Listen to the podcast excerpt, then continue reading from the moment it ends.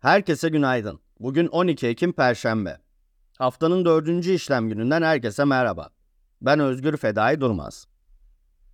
Yurt içinde cari denge verileri açıklandı. Ağustos ayında cari işlemler hesabı 619 milyon dolar açık kaydetti. Altın ve enerji hariç cari işlemler hesabı ise 6,1 milyar fazla verdi. Ödemeler dengesi tanımlı dış ticaret açığı ise 7,1 milyar dolar olarak gerçekleşti.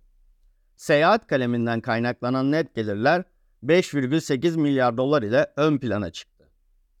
ABD'de ise üfe verileri açıklandı. Üfe, Eylül'de bir önceki aya kıyasla %0,5 artış gösterdi. Beklentilerin üzerinde artış kaydeden üretici enflasyonunda tahminler %0,3 artış olacağı yönündeydi. Gözler bugün açıklanacak enflasyon verisine çevrildi. Fed'in faizleri ne zaman ne kadar arttıracağı ya da ne zaman faiz indireceği daha da karmaşık bir hale geliyor. Geçtiğimiz sene bu dönemlerde Fed'in 2023 yılının ikinci yarısında faiz indirimlerine başlayabileceği algısı yoğunken 2023'ün ikinci yarısına gelindiğinde bu durum 2024'ün ilk yarısına ötelenmiş geçtiğimiz ay Fed'in faiz kararından sonra projeksiyonlarını değiştirmesiyle faiz indirim döngüsü ihtimali 2024'ün ikinci yarısına kadar sarkmıştı. Buradaki en önemli sebep ise ABD tarafından hedeflenen %2'lik enflasyonun faiz arttırımlarına rağmen hedeflenenden uzakta olması olarak öne çıkıyor.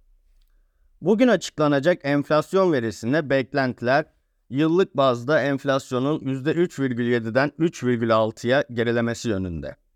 Fakat hızlı giden enerji fiyatlarının beklenti üstü gelebilecek enflasyon rakamı ihtimali bulunmakla birlikte bu durum globalde risk iştahını düşürüp Kasım'daki faiz arttırım ihtimallerini daha da güçlendirebilir.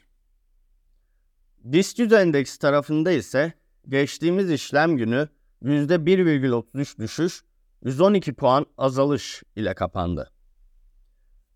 Orta Doğu'daki sıcak çatışmanın etkisi riskli varlıklardan çıkışları hızlandırdı.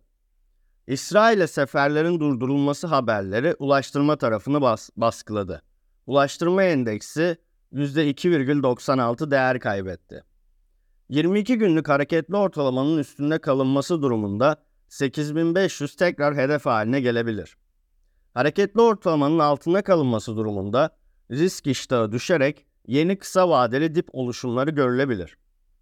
Kısa vadede 8890 seviyesini pivot, 8460, 8590, 8665 seviyelerini direnç, 8260, 8185, 8055 seviyelerini destek olarak izleyeceğiz.